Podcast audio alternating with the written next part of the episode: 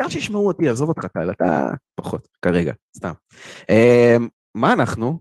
עונה שנייה, פרק 34, 29 לאוגוסט. זהו, אנחנו לאט לאט יוצאים מהגל חום שרודף את הגל חום הקודם, שממשיך את הגל חום שיבוא אחרי הגל חום הנוכחי, אבל לאט לאט, נכון? הקיץ כזה, אנחנו מרגישים אותו בסוף ככה אוגוסט, ואז אנחנו נתקרב לתקופה שבה טל, אתה תוכל לכבות את המזגן. אבל אנחנו עדיין לא שם, אתה עדיין אה, עם החשבון. אני כבר שלושה חודשים מזגן דולק. זוכר, אני זוכר, הכל בסדר. אמ, כל יום ראשון, שמונה וחצי בערב, קבוע הפינה הזאת באינטרנט, שבה uh, הכותרת משנה של הקו האתאיסטי זה אתאיסטים ומאמינים בשיחה.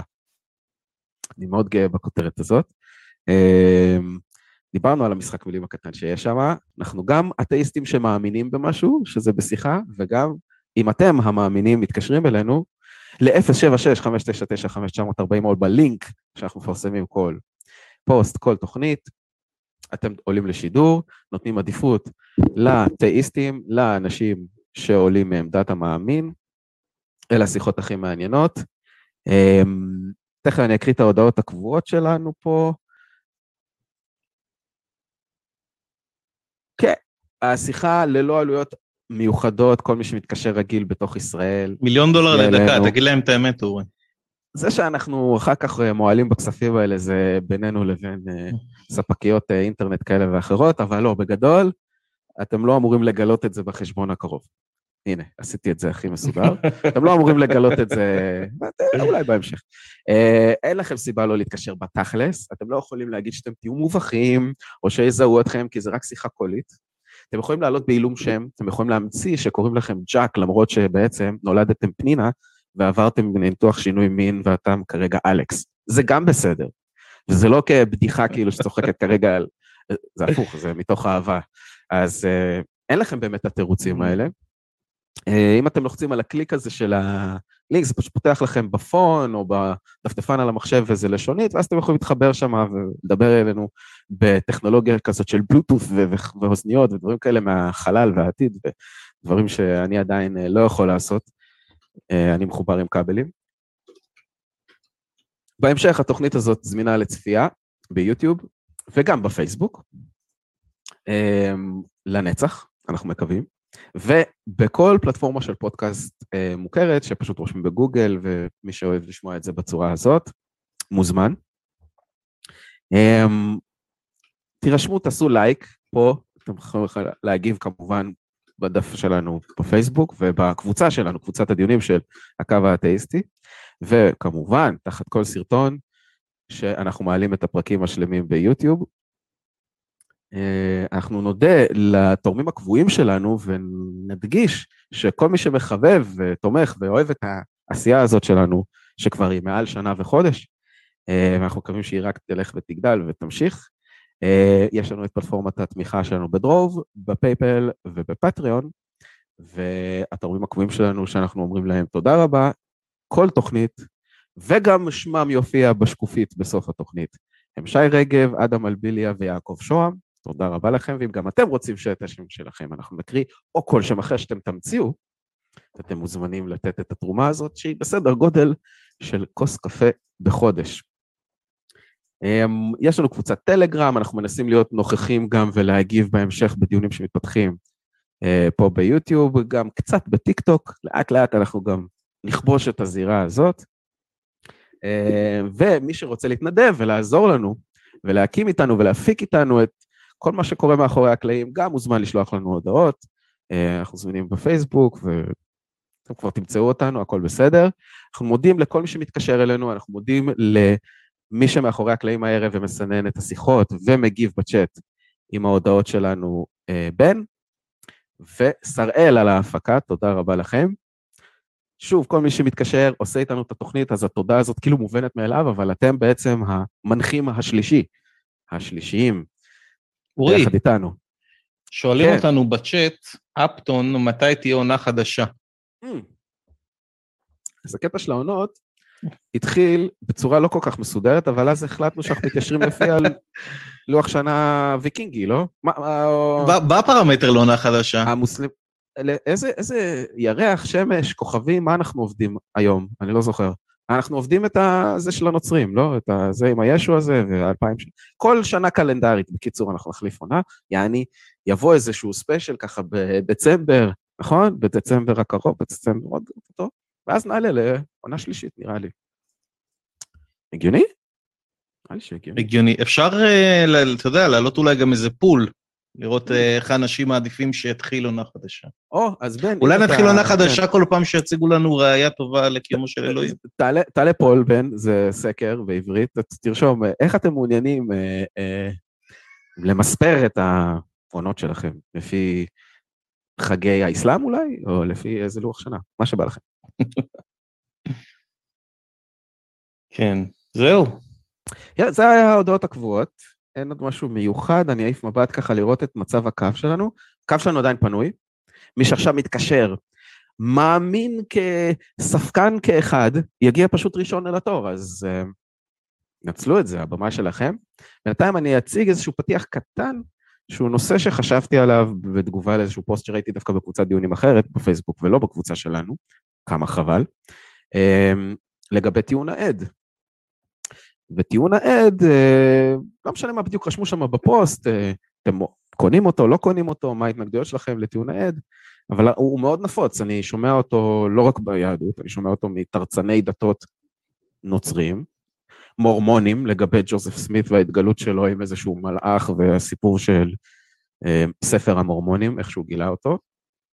לגבי הקוראן, כל הסיפור הזה שעברה מסורת של, מסורת מילולית בעל פה של אנשים ששיננו את כל תוכן הקוראן, את כל תוכן ההתגלות הזאת של מוחמד, ופשוט העבירו את זה בצורה אמינה לחלוטין, כי אז היו להם יכולות זיכרון פנומנליות. יש אשכרה את הטיעון הזה שאומר שכן, היום יש לנו כתב ויש לנו מחשב, אבל לפני שהיה כתב, אנשים היו חייבים לזכור בעל פה כדי לשרוד, כדי להחזיק את עצמם אה, בחברה מסודרת. אז ברור שאם בחברה כל כך פרימיטיבית שלא בקושי ידעו אנאלפבית, כולם היו כל אנאלפביתים, שם כולם שיננו בצורה מאוד אמינה, מה שהיום אי אפשר להגיד, אז, אז ההעברה במסורת המילולית הייתה 100% פרפקט. כן, יש את הטיעון הזה גם כן. מקופל בפנים, כאילו זה לא מספיק כל הדברים המוזרים, ש... אז יש גם את זה. אין לנו שום סיבה לחשוב שהיו אז יכולות פנומנליות לאנשים ש... שהמוח שלהם אחרת מאיך שאנחנו היום, וההרגלים שלהם, אין שום סיבה לחשוב את זה. אה, נטל ההוכחה על מי שחושב שאחרת, שיראה את הסיבות לחשוב את זה, מעבר לסתם להגיד את זה. אבל אה, מה שרציתי להגיד לגבי טיעון העד זה שבעצם כל השם שלו מטעה. זה בעצם הנושא שהגעתי אליו אה, במחשבות שלי. מה, למה קוראים לזה טיעון העד? כי עד נשמע מאוד אמין, מאוד משהו כזה ש... שכן, הבן אדם היה נוכח במקום, סיפר, ואם נגיד יש יותר מעד אחד אז זה עוד יותר מגביר את האמינות, ואז ככה בונים איזשהו קייס כזה. אבל זה בעצם טיעון הסיפור. ככה צריך לקרוא לטיעון הזה, זה לא טיעון העד, זה טיעון הסיפור, כי יש סיפור שיש בו עדים. ובתוך מסגרת הסיפור הזה, כמו כל סיפור, יש דמויות, יש עלילה, יש אה, איזושהי דינמיקה שם, ויש איזשהו אירוע. אז כל מה שקרה בטיעון הסיפור, כי ככה אני הולך לקרוא לו מעכשיו והלאה, לא טיעון העד, טיעון הסיפור, זה סיפור על איזשהו מופע אורקולי על פסגה של הר, במעמד הר סיני כמובן, ואז במסגרת אותו סיפור, לא מסיימים נקודה סוף, זהו, נגמרה ההצגה, כולם הלכו לישון, אלא יש גם עוד את הדמויות האלה שהם עם ישראל ואפילו גויים, שהם העבירו אחר כך את האירועים על אותו סיפור, אבל זה עדיין חלק מהסיפור, ולזה פשוט עטפו עטיפה מאוד יפה וקראו לזה טיעון העד. זה לא עד, זה, אין לנו שום דבר מעבר לסיפור. על אירוע וסיפור על עדים שראו את אותו אירוע. תקנו אותי אם אני טועה, תרשמו עכשיו, זאת אומרת, ההצגה פה הכי גדולה, האחיזת עיניים הכי גדולה לדעתי זה שבכלל כולנו קיבלנו כמובן מאליו את הכותרת הזאת, טיעון העד, ואז אנחנו מתחילים להתווכח ולהתכתש עם זה. זה טיעון סיפור העד. תגיד, אם אתה רוצה להיות הכי מדויק, תגיד טיעון סיפור העד, סבבה. ויש לי קאץ' פריז שכזה, התחלתי ללכת איתו, ואני רוצה שתגידו לי אם הוא תופס. עכשיו בוא נראה שאני לא מתבלבל בו. אוקיי. כל עדות היא סיפור, אבל לא כל סיפור היא עדות. בום. מה אמרתי בזה? שאם אתם בעצם אומרים הייתם באיזשהו מקום, ראיתם איזשהו אירוע, אתם מוסרים את העדות הזאת, קודם כל זה סיפור. אחר כך, כדי לעבוד קצת יותר קשה ולהגיד שהסיפור הזה הוא עדות, זה לא סתם סיפור, הוא סיפור מיוחד שעומד גם בקריטריונים קשיחים יותר, מצומצמים יותר, מיוחדים יותר, שהם עדות, אתם צריכים להזדהות, אתם צריכים להעלות את מה שאתם אומרים בצורה מסודרת על הכתב, או לתעד את זה בווידאו באיזשהו ראיון, נכון? זה, זו עדות. תראו את העדים של אה, מחנ, מחנות ההשמדה ומחנות העבודה בתקופת השואה. הם עומדים מול מצלמה, מספרים, מראים את המספר שחרוט להם על הגוף, נכון? זה, זה עדות, מסירת עדות בצורה רשמית. זה לא סתם סיפור. אה, אנחנו יודעים חתימות זמן, אנחנו יכולים לייחס כל דבר שנאמר לממצאים בשטח, לממצאים ארכיאולוגיים, לעדויות אמפיריות. זו עדות. אבל אני חושב רק אולי המינימום שבמינימום שבמינימום לפני שאנחנו מתחילים לדבר על מה זה עדות, זה פשוט להזדהות. להגיד, הנה זה אני, זו הכתובת שלי, זה השם שלי, זה השם משפחה שלי, מי שיש לו בעיות עם מה שאמרתי מוצא משהו לא נכון בסיפור שאני מספר, כאן תבואו תמצאו אותי ואנחנו נדבר על זה. אין לנו את הדבר הזה לגבי שום דבר שקשור למעמד הר סיני. אנחנו נשארנו איפה שהתחלנו, בסיפור. מה אתה אומר, טל? טיעון הסיפור הזה מוצא חן בעיניך? אני מסכים לגמרי, הפרמטרים לעדות אה, הם מאוד ספציפיים. אה, העדות צריכה להיות כאילו מתועדת על ידי גוף שהוא verifiable, לא יודע איך להגיד את זה כאילו בעברית. אה, בדרך כלל כשאנחנו מתייחסים לעדות זה בקונטקסט של בן אדם מסוים, שאתה יכול לדבר איתו, לשמוע את העדות שלו, ואם הבן אדם הזה הוא לא חי, אז צריך להיות איזושהי אסמכתה, איזושהי חתימה, ולדעת שאותו בן אדם הוא בן אדם אמין, ש, שאפשר לסמוך עליו, וגם, גם אם יש עדות, תראה, היום אנחנו יודעים שעדות ראייה זה ראייה יחסית מאוד מאוד חלשה. זאת אומרת, אנחנו בקלות יכולים להתבלבל במראות של, אה, של אנשים, ובכלל בסיטואציות מסוימות שאנחנו מתרגשים או שיש כאוס, ומאוד קשה להסתמך על אה, עדות ראייה. אה, אז לכן העדות הזאת היא חלשה. עכשיו, לא רק זה, אתה צריך להוסיף על זה מה אתה מנסה בעצם להוכיח על ידי העדות, ואתה מנסה להוכיח מורות על-טבעיים, זאת אומרת, המשקל של הראייה לא משתווה למשקל הטיעון בכלל. ולכן מבחינתי...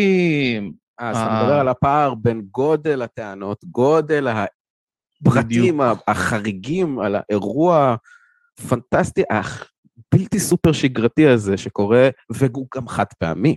הוא לא חוזר על עצמו.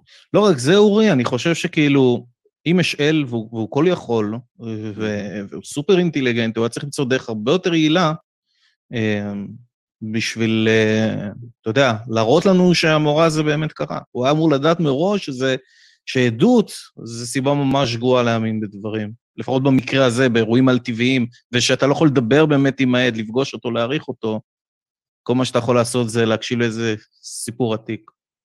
אז יפה, אז עכשיו אנחנו כבר אה, ממשיכים את כל שאר הסעיפים השגרתיים שעולים בוויכוחים הזה על כמה הטיעון הזה כושל, טיעון הסיפור. Mm-hmm. אני עקבי עם הסיפור הזה, עם העניין הזה. אה, אז אפשר גם לדבר על זה שזה פשוט באמת מעשה מאוד מתוחכם של טלפון שבור, כי לא באמת הוא עלה על הכתב באותו רגע שנהיה הסיפור הזה, וגם אם כן, אז אפשר לשאול האם יש שם אינטרסים והאם ניפחו אה, אה, את האירוע או עובדות מסוימות, אבל אפילו עוד לפני שאנחנו מדברים על זה, על כמה אמין הבן אדם שהעלה על הכתב, אם ממילא הייתה העברה מילולית לפני שזהו עלה על הכתב, אז כשאנחנו מאבדים את ה... אה, באופן טבעי, אנחנו מסתמכים פה על האמינות של הזיכרון האנושי, על היכולת הזאת, עם כל הכוונות הכי טובות ועם האנשים הכי מוסריים והכי דוברי אמת שרק אפשר מבחינת הכוונות שלהם, פשוט מבחינת יכולת קוגניטיבית, כמה אנחנו יכולים לזכור מאירוע שהוא מורכב עם המון המון אנשים ופרטים ו, ונמשך לאורך המון זמן, כן? אז כאילו, סדרה שלמה של אירועים כאלה, לא רק אירוע אחד, זה עוד יותר מקשה פשוט על המשימה של לחזור ולשנן את זה ולהגיד זה עד לרגע שזה עולה על הכתב, ואז מהרגע שזה עולה על הכתב זה פשוט נהיה יותר קל לשמר עותקים, להעתיק את העותקים ולהפיץ אותם. להפיץ אותם. לגמרי, תשמע, לא רק זה, יש איזושהי אנלוגיה יפה ש... שנתקלתי בה באינטרנט, אמ, אומר את הדבר הבא, אם אתה תיקח עכשיו שלושה אנשים ותשים אותם בהופעה, ואחרי זה תיתן להם פתק ותשאל אותם מה היה בהופעה, אתה תקבל כנראה גרסאות שונות בין פתק לפתק. נכון, אחד יגיד שהיה לו ממש חם, השני יגיד שהיה לו מוזיקה פצצה, השלישי יגיד לא ראיתי כלום. אמ, עכשיו, מה יקרה אם אותם אנשים לא ילכו להופעה, להופעה, אבל מה שהם יקבלו רק זה פתק לגבי מה היה בהופעה. מה הם ירשמו אחר כך על מה היה בהופעה. הדבר היחידי שהם יכולים לרשום זה מה שהם קיבלו בפתק.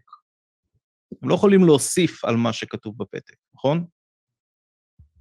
עד לפה... אמ, תחדד את זה, יכול להיות שאתה צריך לחדד את זה. אני אומר, אם אותם שלושה אנשים לא הולכים להופעה, אבל הם מקבלים פתק שמספר להם מה היה בהופעה, אוקיי? הדבר היחידי שהם יוכלו לרשום זה מה שכתוב בפתק. אף אחד לא יכול להוסיף על הפתק הזה. אף אחד כן לא יכול להוסיף את ה... כן, אבל אף אחד לא יכול להוסיף את, ה... את הצד שלו, את העדות ראייה שלו, את הכיוון שלו, כמו שהיה במקרה הראשון, שבו הם באמת היו בהופעה, ובאמת כל אחד uh, כתב משהו בהתאם למה שהוא ראה. אוקיי. אז, אז אף אחד בעצם לא יכול להוסיף במקרה הזה, ואני שואל את עצמי, למה התורה דומה? שהם באים עם טיעון העד, אה, למה התורה בעצם דומה? היא דומה בעצם למקרה השני. כל מה שאנשים יכולים לעשות זה לקחת את התורה, לקרוא ממנה, ואף אחד לא יכול להוסיף עליה. זאת אומרת, אין לנו איזושהי עדות שעברה במשך הדורות לגבי, אתה יודע, סבתא של סבתא של סבתא שלי הייתה פה ופה, או לפחות איזשהו, אתה יודע, מסמכים, משהו שאפשר להסתמך עליו מעבר לטלפון השבור הזה. אין הרי שום דבר. ולכן הדבר הזה הוא לא משכנע, זה, זה נראה ממש כמו טקסט, שאתה יודע, קסטום טקסט שהעבירו אותו לאנשים, והם הם, הם, איכשהו שכנעו אותם, אני לא יודע מה היה שם, איכשהו שכנעו אותם שהדבר הזה באמת קרה. יש דוגמה יפה במלכים ב', אורי, במלכים ב' יש סיפור שבזמן שיפוץ של בית יהווה, דרך אגב, אין בית מקדש במקרא, חוץ מני חושב, אה, אה, שיר השירים, אני חושב, אה, אבל בזמן השיפוץ של בית יהווה, מי שלא מכיר את הסיפור הזה, מוצאים את ספר התורה, חלקיהו הכהן ושפן בן עצליהו הסופר, ומביאים את הספר ליאשיהו המלך, ואת ספר התורה, היום מעריכים חוקים שזה ספר דברים, אה, ויאשיהו נופל על ברכיו, הוא בכלל לא ידע קרוא וכתוב, הוא נתן אה, למישהו שם לקרוא את זה. אה, והוא עשה רפורמה ענקית, רפורמה שלא הצליחה, הוא שבר מזבחות של אלים כמו בעל ואחרים שהיו שם באותו אזור. אז זה דוגמה, אני לא יודע אם זה האירוע שגרם להשתלת הסיפור הזה, אני לא יודע בדיוק מה היה שם, וכנראה שיהיה לנו מאוד קשה לדעת, אבל... כי...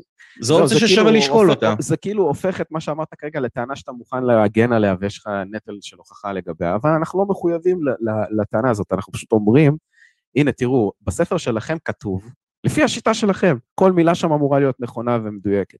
אז הנה, פשוט בחלק מסוים בתוך הספר שאתם הולכים איתו, או אוסף הספרים הזה, התנ"ך, לא רק המקרא וכל התוספות שלו, כתוב שהיה שבירה ברצף העברת המסורת.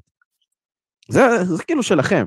אל תפילו את זה עלינו לנסות להוכיח שבאמת הכל זה קונספירציה של אותו שפן הסופר.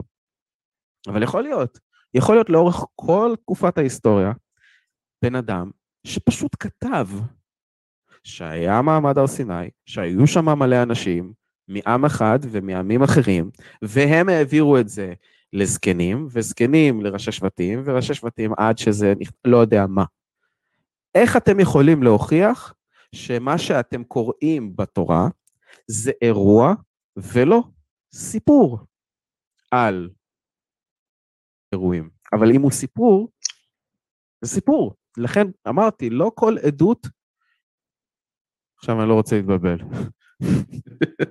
מה ש... לא מה כל שאני... סיפור הוא עדות. צריך קריטריונים מיוחדים בשביל להפוך סיפור לעדות. מה שאני נתקלתי, יצא לי קצת, אה, אתה יודע, להקשיב ל... כל מיני חוקרי מקרא, אה, גם הרבה אני מקשיב ליגאל, יגאל בן נון, מי שמכיר, וגם אה, כמה אמריקאים, והערכה, לפחות לפי, יש אסכולה המקסימליסטית והאסכולה המינימליסטית, המינימליסטית בעצם טוענים שכל האירועים העל-טבעיים אה, לא באמת קרו, זאת אומרת, מן הסתם, שם מגיע המונח מינימליסטים. אז הם טוענים, אתה יודע, שהיה איזושהי תחרות בין ה...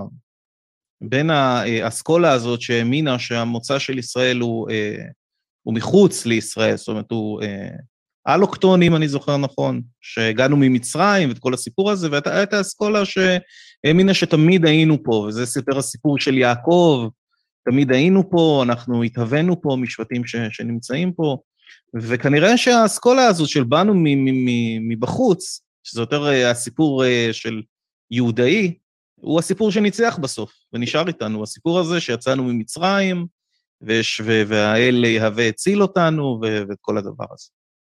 אה, אבל לפי מה שאני הבנתי מהמומחים, יעקב בכלל זה סיפור ישראלי. זה לא סיפור יהודאי, והסיפור של יציאת מצרים, הסיפור של משה, הוא סיפור יהודאי. אמ, מה שגם אה, יהודה הייתה וסאלית לישראל במשך רוב הזמן, זאת אומרת, ישראל הייתה הרבה יותר גדולה מיהודה, והיא שלטה עליה רוב הזמן, אבל בזמן שהיה אה, את המלחמות של אה, סרגון, או שאני חושב שזה היה תגלת פילסר, שעשה פה מסעות בישראל והרס כמה ערים, אז היה בריחה ענקית של ישראלים לכיוון יהודה. ואז כנראה זה מה שהתחיל את הקונפליקט בין שתי האסכולות האלה, הסיפור של יעקב האוטוקטוני, והסיפור של משה האלוקטוני, באנו מחוץ, מחוץ לאזור הזה. מעניין. ו- וזה מה שניצח.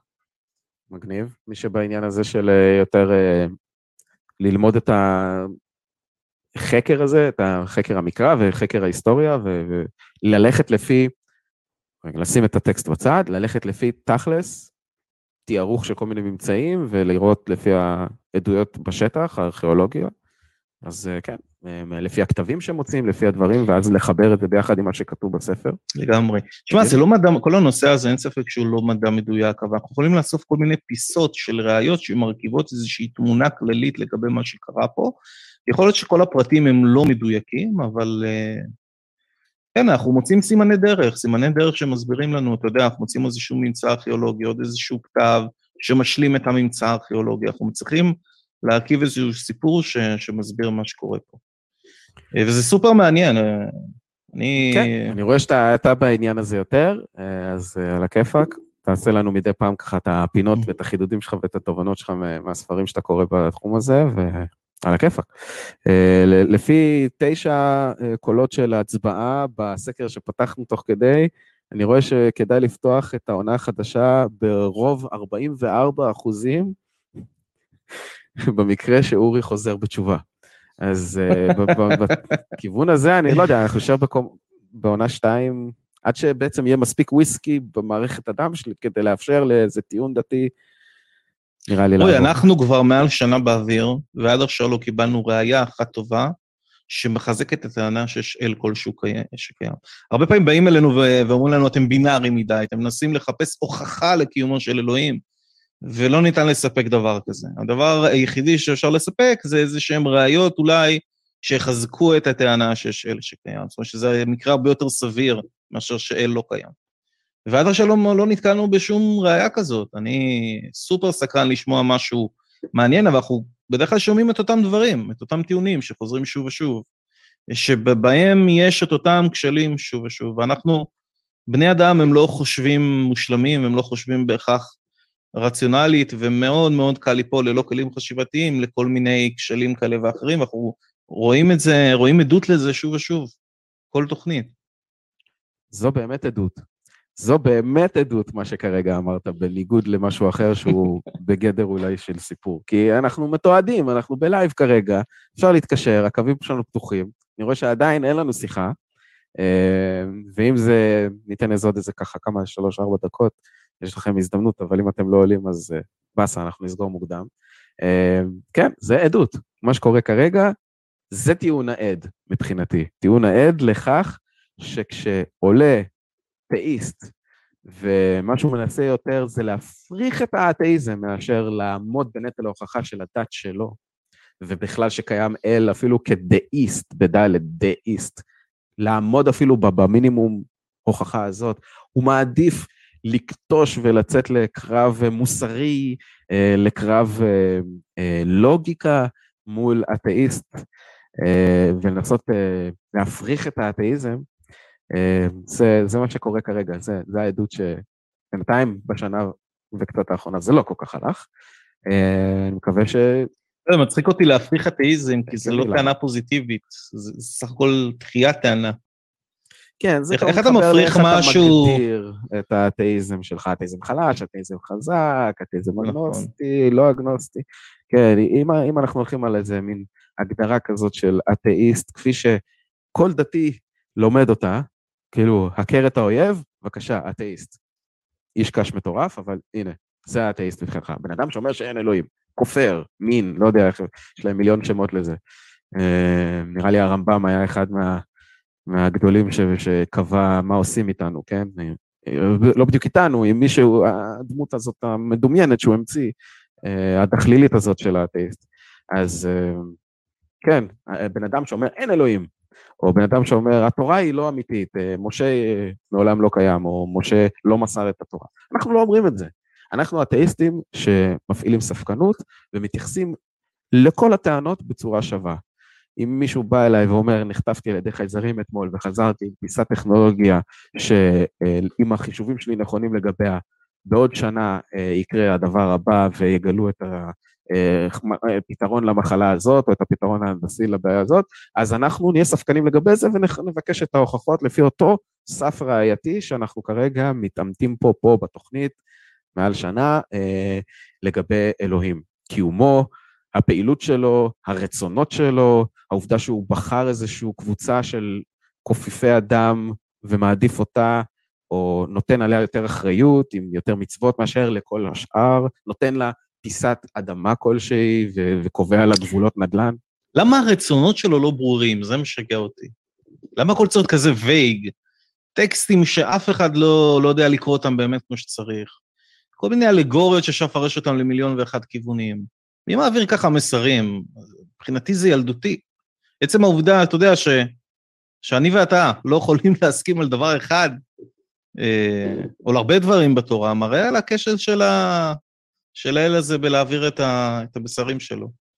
או שזה מה שגם יגידו לך חלק מהמאמינים. זו התוכנית שלו. התוכנית שלו היא להטריל אותנו ולבלבל אותנו. יש מצב. ולבחון אותנו. עכשיו לך תתווכח עם דבר כזה, זו פשוט טענה שבמהותה היא בלתי ניתנת להפרחה.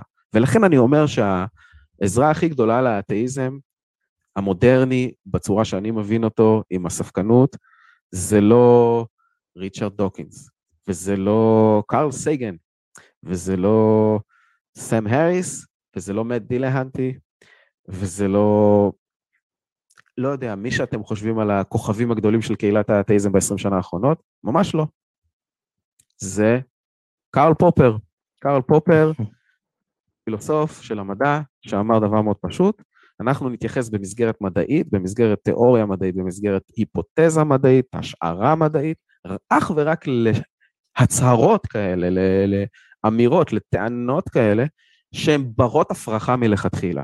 אם אתה הולך להגיד לי, א' הוא הגורם של ב', ואתה לא הולך מיד לשדך עם התו, עם סיכה של כזה קרחץ, ישר לשדך להצהרה הזאת את סט התנאים שיראה שטעית בדיוק במה שכרגע לפני שנייה אמרת, הנה, על זה הגורם, וככה אתה תוכיח שאני טועה. אם אתה לא עושה את זה, ויותר חמור מזה, אם אין דרך שמישהו יוכל לעלות כדי להפריך את מה שכרגע אמרת, אז אנחנו פשוט לא נתייחס למה שאמרת, אנחנו פשוט נשים אותו בצד. אולי זה נכון, אולי זה לא נכון, אבל המדע לא יוכל להתייחס לזה.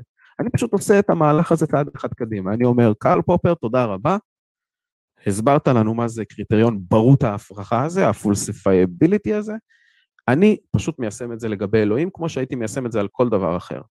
ומי שבא ואומר לי, עזוב, אלוהים זה לא עניין של מדע, אז אני אשאל אותו, אוקיי, אז לעניין של מה זה? ואז אנחנו נמשיך את השיחה משם. כי אני לא מכיר משהו שיכול לעזור לי יותר ושאני אוכל להסתמך עליו ולהחליט עליו מאשר המדע. ואם המדע אומר לא ידוע, אז אני אשאר בלא ידוע, באסה. אז אני לא אחליט, אבל אני אעדיף לא להחליט ולהגיד לא יודע, מאשר לשקר לעצמי. ולספר לעצמי שהמדע לא יכול לטפל בזה. למה? מי אמר? למה? תוכיח לי את זה. תראה לי בכלים לוגיים או כל כלי אחר. לא יודע איך תקרא לזה, אבל תראה לי, תנסה לשכנע אותי, תפנה למוח שלי באיזושהי צורה. זהו, זה, זה כל הסיפור. קרל פופר, תודה רבה לקרל פופר, כפרה עליו. בוא נעיף מבט, אני חושב שיש לנו מתקשר אחד, בוא ניקח אותו, הוא מעמדת האתאיסט אליהו, שלוש, ארבע, ו... ערב טוב, אתה אמור להיות בקו האתאיסטי עם אורי וטל, והנושא שלך זה הטיעון המתמטי. יש פה טיעון מתמטי שאתה הולך להציג לנו, של וויליאם ליין קרייג הידוע. כן, כן, זה, זה, תראה, זה, זה של וויליאם ליין קרייג, אני ודאי ב-110 אחוז ששמעתם עליו. תראה, לא, לא אותנו ואת הזיכרון הבן של כל מי שצופה בנו כרגע, ואולי תאיסט י- יאמץ את זה פה יהודי שלא מכיר את הטיעון ויגיד, או, רגע, רגע, הנוצרי הזה טעה לגבי זה, זה לא ישו, אבל הוא צדק אלף אחוז, הטיעון הזה תופס לגבי האלוהים שאני מאמין בו. בוא נשמע. מה זה הטיעון המתמטי של וויליאם ליין קרייג? אוקיי, אה, אה, קודם כל, אוקיי, הוא מתחיל בטענה שאם אלוהים לא קיים, אז השימושיות של מתמטיקה לתיאור העולם הפיזיקלי היא סתם צירוף מקרים שמח ונחמד. ו, אה, אבל זה לא יכול להיות צירוף מקרים כזה, או לפחות זה מאוד לא סביר. מסקנה, אלוהים קיים. אני- אני אני מקריא את זה ממסך שנמצא מולי, זה וויליאם ליין קרייג כתב בעצמו. הטיעון המתמטי אומר שללא קיומו של אלוהים אין משמעות לכל המתמטיקה? לא- ללא קיומו של אלוהים, אמ, זה צירוף מקרים מאוד מאוד גדול, שבכלל אפשר לתאר את העולם הפיזיקלי עם איזושהי תבנית מתמטית. אני חושב שזה מגוחך, איך אתה יכול לטעון שזה צירוף מקרים, שאין לך את ההסתברות? אולי זה בעצם 100% שזה חייב לקרות. אולי זה בלתי נמנע שיהיה עולם שיהיה כל כך, לא יודע, איך לומר, אה, מתמטי, כן? אה, זה מזכיר לי משהו שנאמר לנו על ידי מתקשרים ש... שפונים באמת לאל הכי הכי הכי מהול במים שרק אפשר לעשות. לקחנו החוצה את כל העניין של אה, דתות, של אה, מה הוא רוצה ואיזה נדל"ן הוא נותן לאיזה סוג של אנשים. אנחנו רק מדברים על איזה כוח עליון, דאיסטי לחלוטין, שהוא יכול להיות גם אדיש לחלוטין ואין לו שכר ואין לו עונש ואין לו עניין בנו בשום צורה. וכדי לנסות לבסס את קיומו של אותו אלוהים הכי מהול שרק אפשר, אה, שאפשר לשתות אותו כמו מים אה, הומאופטיים, שזה אומר מים רגילים, בלי לפתוח חזית עכשיו מול כל האתאיסטים אה, התומכי... היא- היא- אני אני חושב עכשיו על איך הוא אה, כרגע מגיב למה שאתה אמר. אמ, אני חושב שאני לחלוטין לא תומך בטיעון, אני פשוט אה, רוצה לראות איך תגיבו אליו. אמ, מה שאני חושב שכרגע היום אומר זה, זה בגלל האופן שהוא מבדיל בין אמיתות סינתטיות, שזה אמיתות על המציאות, ואמיתות אנליטיות שהן תמיד בהכרח נכונות, אז הוא כנראה היה אומר שכל אה, מש, כל דבר על היקום, שהוא לא בהכרח נכון פילוסופית, היה יכול להיות אחרת. אתה חייב להסביר מה זה, מה זה אמת סינתטית ומה זה אמת אנליטית, אמת כי יכול להיות שאנשים לא מכירים את המושגים האלה. מספיק טוב. עוד פעם? אה, אמ, זה- אמת ש- שהיא נכונה לגבי היקום. זה לא אמת מתמטית, זה משהו כמו החולצה שלי כחולה, כן? זה- היית יכול לדמיין עולם שבו זה אחרת. מהמם. אז אתה אומר שהחולצה שלי באיזשהו צבע מסוים זו אמירה אנליטית? שמעתי נכון? סינתטית. אה, זאת סינתטית. סינתטית דווקא, זה אומר אוקיי. שהיא- שהיא פילוסופית לא בהכרח נכונה, כי היית יכול לדמיין עולם מקביל שבו זה לא היה ככה. מעניין, מעניין, אוקיי, זה- טוב זו את לפחות. ההבנה שלי, אין- אין- אין לי שום, לא עשיתי אף פעם קורס על הנושא הזה, אבל אבל זה ההבנה שקיבלתי עם אה, אה, קריאה על זה. אמ, ובכל מקרה הרעיון הוא כזה, שכל אמיתה שהיא סינתטית ולא אה, הכרחית פילוסופית, היא נכונה במקרה אם אין אלוהים. זו כנראה תהיה התגובה שלו. אז מה היית מעביר על זה? אמ, טוב, אני פחות אצמד לכותרת של אם זה סינתטי, אנליטי. פשוט מעניין אותי באמת מה שאמרת במהות. במהות אתה אומר שניתן לדמיין עולם, או לא ניתן לדמיין עולם שבו איזשהו תנאי מתקיים. אמ, טוב, Mhm. קודם כל, אנחנו, אנחנו פשוט במשחק שלם של מחשבות פה. ניסוי מחשבתי מטורף. אנחנו יושבים בק- בקורסה, בנוחות המזגן של טל ומהאווררים שיש למי שאין לו את היכולת אה, לממן מזגן כמו לטל, ופשוט אנחנו מתחילים לשחק פה במחשבות שלנו, אז אוקיי.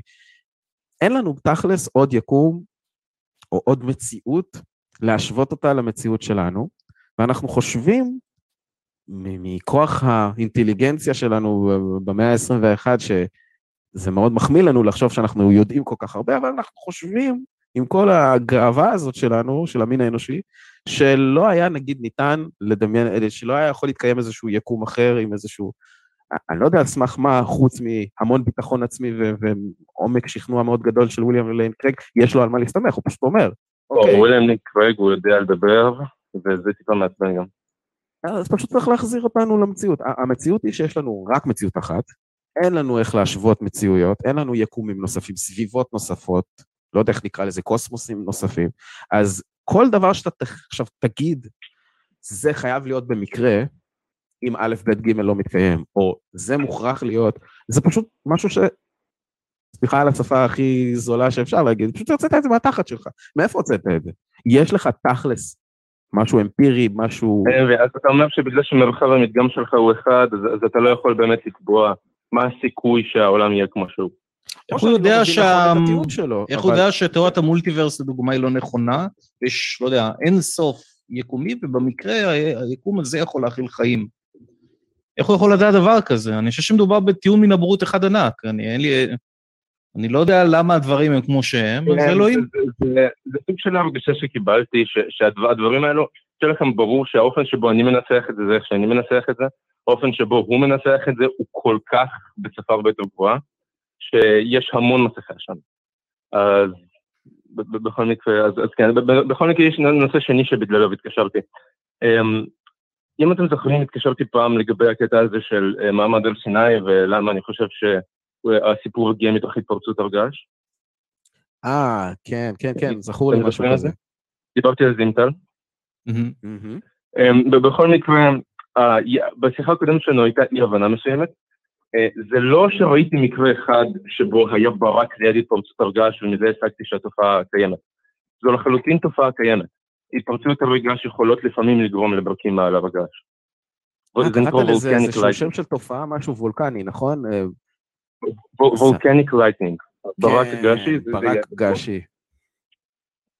טוב, זה... אז כן, זה סוג של הייתה אי הבנה בינינו, ותחת האור שזו תופעה קיימת. האם זה נשמע לכם יותר הגיוני? אני בעיקר שואל את טל, כי איתו דיברתי פעם קודמת. אני אגיד לך, אני חושב שאולי הייתה איזושהי...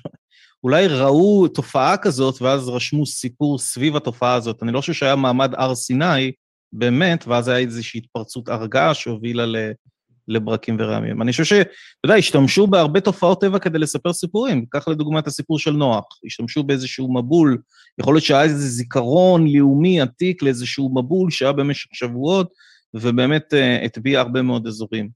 Uh, אני לא חושב שזה מוכיח, כאילו, שמעמד הר סיני... יכול להיות שזה, במקרה הזה יכול להיות שזה הייתה סדרת שיטפונות. ממה שהבנתי באזור שבו הסיפורים האלה סופרו על המבול, היו הרבה שיטפונות. אה, יכול להיות, יכול להיות לגמרי. אנחנו יודעים היום שמעולם לא היה באמת מבול שהציף את כל העולם, אין לזה שום ראייה. אבל יכול להיות, יכול להיות. שוב, השתמשו בהרבה מאורעות טבע אתה יכול להסתכל, לא יודע מה, על uh, עשרת המכות, תסתכל לדוגמה על, לא יודע, מכת uh, הרבה. אני מניח שהם ידעו מה זה מכת הרבה.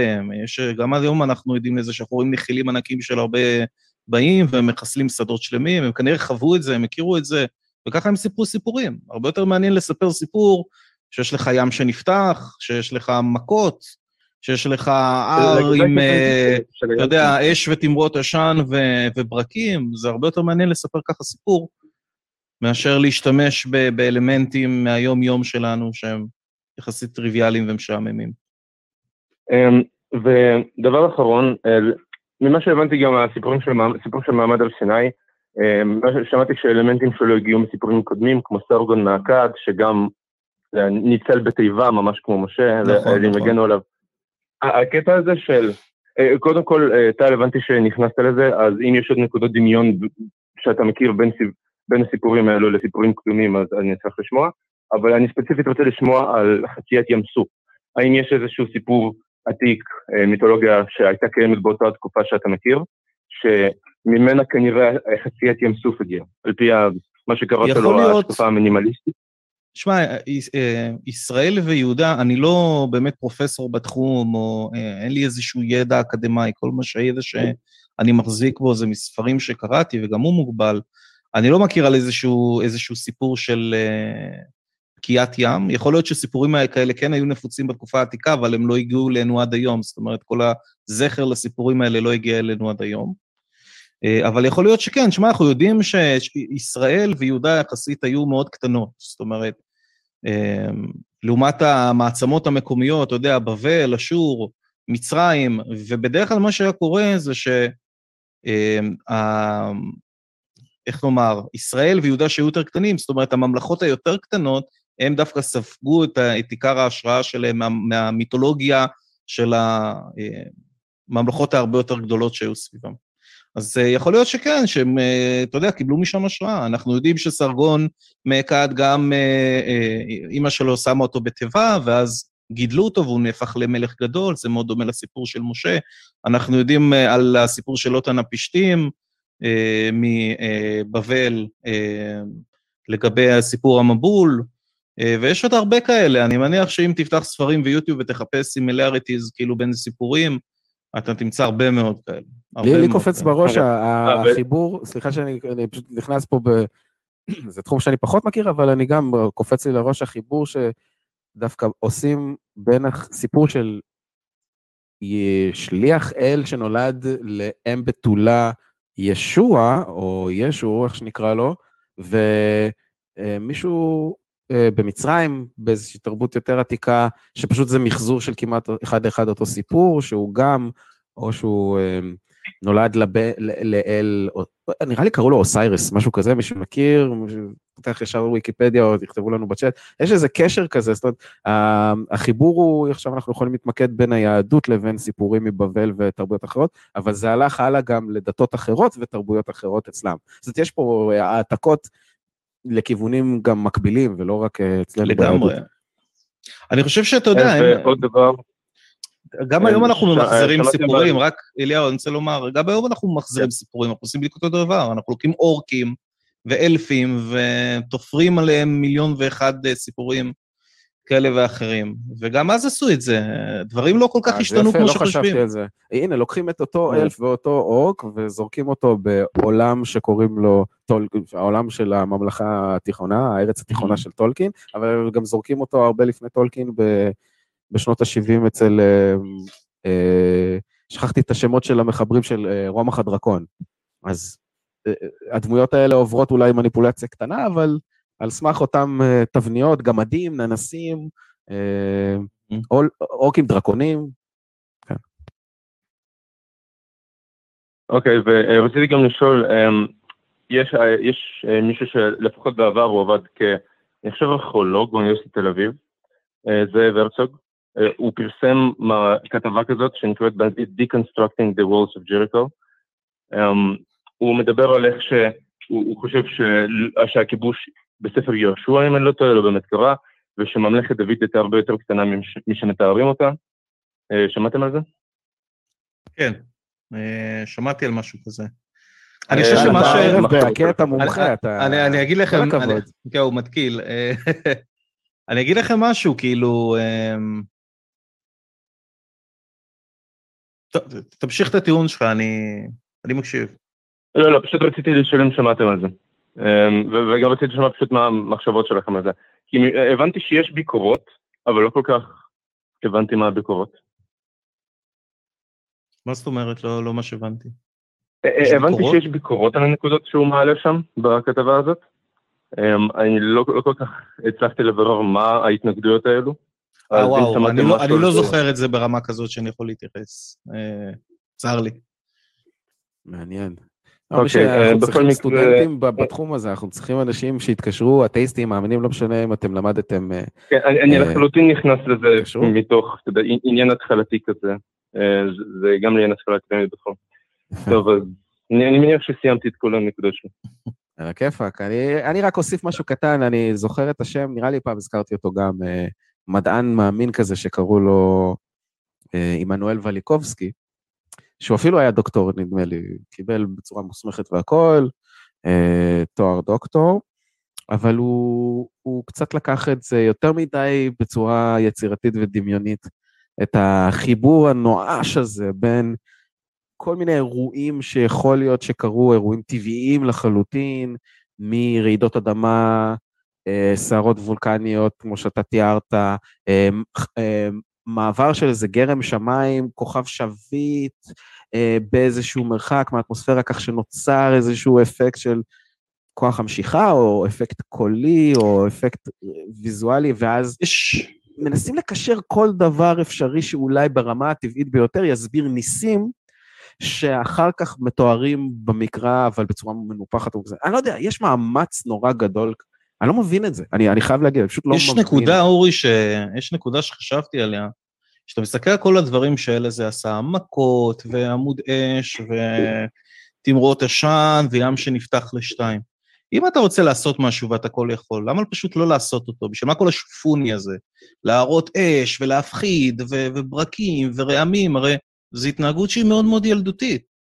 תחשוב, אורי, שאני רוצה להעביר לך מסר, ופשוט במקום לבוא אליך ולהעביר לך את המסר בצורה ברורה, אני יורה ברקים ורעמים ופותח ים, והנה, תראה איזה גדול יש לי, אורי, תראה איזה חזק אני, תראה... למה? למה? איזה מין ישות כל יכולה ואינטליגנטית תבחר להעביר מסרים בצורה הזאת? זה נראה לי מגוחך, אה, וזה מחזק את הטענה שמדובר במיתולוגיה, מיתול, מיתולוגיה קדמת אסיאתית, מיתולוגיה יהודאית, מיתולוגיה ישראלית שהשתלבו אה, והתעוותו במשך הזמן, ו... כן. מה אתה אומר, אליהו? גם, אה, נכון אומרים God works in mysterious ways, אז אני אומר God works in delirious ways. באופן לחלוטין מוזר. אתה יודע, והוא כועס עלינו שאנחנו לא מבינים את הרמזים, ומעניש אותנו שאנחנו לא מבינים את הרמזים, את הדרך הגרועה שלו להעביר אלינו מסרים, שזה עוד יותר ביזארי בעיניי. כאילו, מי אשם פה בסופו של דבר? זה נדמה כאילו אלוהים נורא מתאמץ להראות את קיומו בדרכים ההזויות ביותר. בדיוק. סליחה, דיברנו אחד על השני. כן, מה? התגובה הסטנדרטית לזה תהיה ש... אין לך סטנדרט למוסר בלי אלוהים. או, לא, זה חיבור לנושא גדול אחר לחלוטין, שאני באמת... אוקיי, בכל מקרה, כן. אני, יהיה לי פה טיפה משפט אחרון. מה שאמרת, אורי, דווקא לי זה נשמע כמו די הגיוני. כי בסופו של דבר הסיפורים האלו של כל הניסים והנפלאות בתנ"ך, הם הגיעו מאיפשהו, כן? קשה לי להאמין שסתם המציאו אותם משום מקום, זה הגיע מתוך רעיונות שהיו לאנשים. אז לנסות לחשוב האם היו אסונות טבע, תופעות ודברים כאלו שגרמו אה, לאנשים באותה תקופה לפרש את זה כניסים, לי זה נראה כמו מאמץ ששווה את זה. כי זה בהחלט משהו שיכול להסביר הרבה סיפורים. זה, זה נכון שמאוד מוזר לחשוב על אנשים שסתם קמים בבוקר וממציאים עלילות מאוד מורכבות עם, עם שמות ושושלות ואילן יוחסין של משפחות וש, ושבטים והמון פרטים כאלה שזה נראה מוגזם אם זה היה איזשהו פשוט סיפור ש, שרצו להעביר, מומצא משום מקום. אז יכול להיות שיש המון עוגנים כאלה אה, וגרעיני אמת אה, בתוך הסיפורים האלה, מתחת לכל זהו. כך המון שכבות של מיסטיקה ושל... אני חושב שזה מה שדופק את האנשים, אורי. עצם העובדה ש... הרי, הרי התנ"ך, אליהו, אני מדבר גם אליך, אליהו, התנ"ך זה ספרייה, זה לא ספר. ספרייה ענקית של הרבה סיפורים וסיפורים אה, מיתולוגיים שהתערבבו, אה, הדברים שלא מופיעים בצורה כרונולוגית, זאת אומרת, כשאתה קורא את הספר מבראשית עד לסוף התנ"ך, אה, תקופת הכתיבה של אותם ספרים לא נמצא בתקופה כרונולוגית. אז, אז זהו, זה מה שלדעתי דופק לאנשים את המוח, כי אנשים אומרים לעצמם, רגע, ירושלים מופיעה בתנ"ך, אז כאילו בטח גם כל הניסים האלה הם נכונים, כי מה, לא יכול להיות שפתאום השחילו לפה דברים. ולדעתי זה מה שמבלבל מאמינים. אה, המישמש, המישמש הזה שקיים במקרא כן. בין אירועים שכן באמת קרו לבין אירועים ש, שלא קרו. יש אפילו מלחמה מתוארת במקרא עם מישה, מלך מואב, ויש אסטלת מישה, מישה אני חושב שקוראים לו, אה, שממש מתארת את הניצחון של מישה על מלכי ישראל, והסיפור הזה גם מופיע במקרא. זאת אומרת, אחד לאחד, ממש עם פרטים והכול.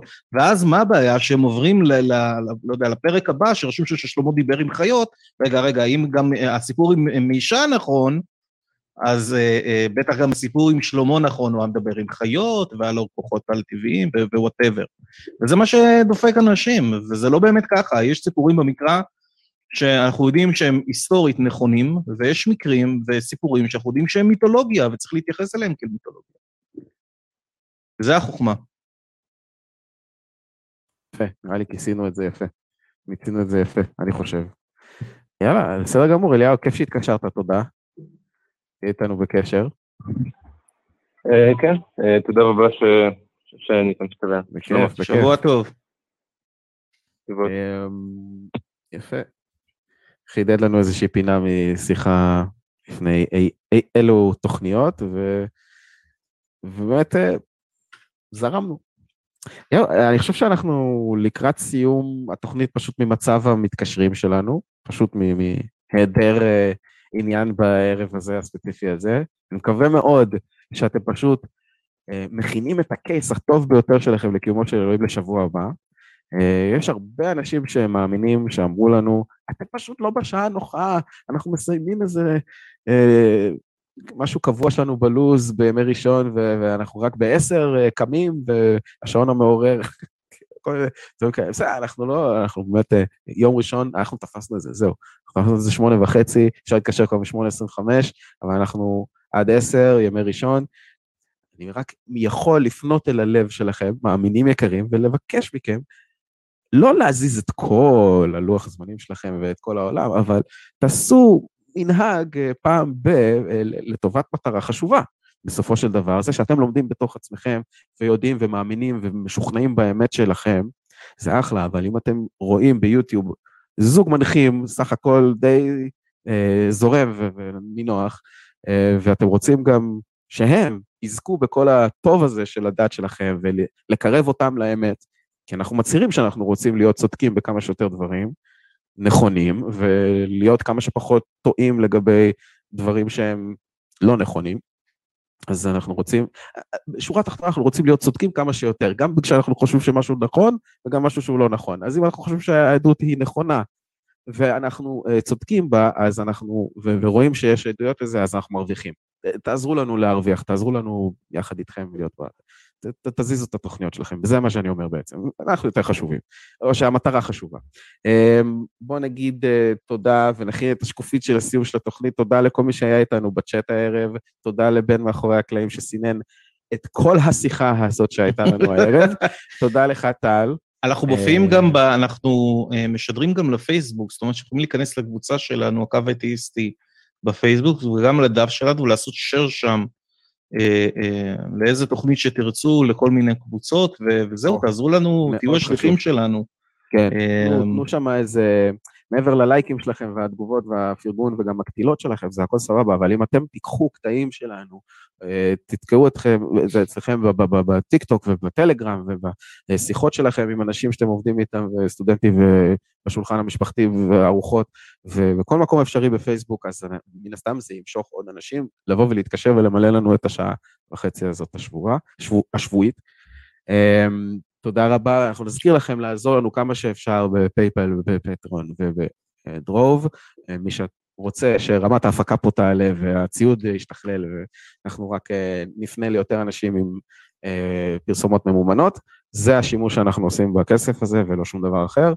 אה, אז אנחנו מאוד מאוד נשמח. תכף תראה השקופית של, של התורמים הקבועים שלנו, תודה רבה. אנחנו היינו אורי וטל, נתראה שבוע הבא, ערב טוב, אוהבים אתכם מאוד, להתראות.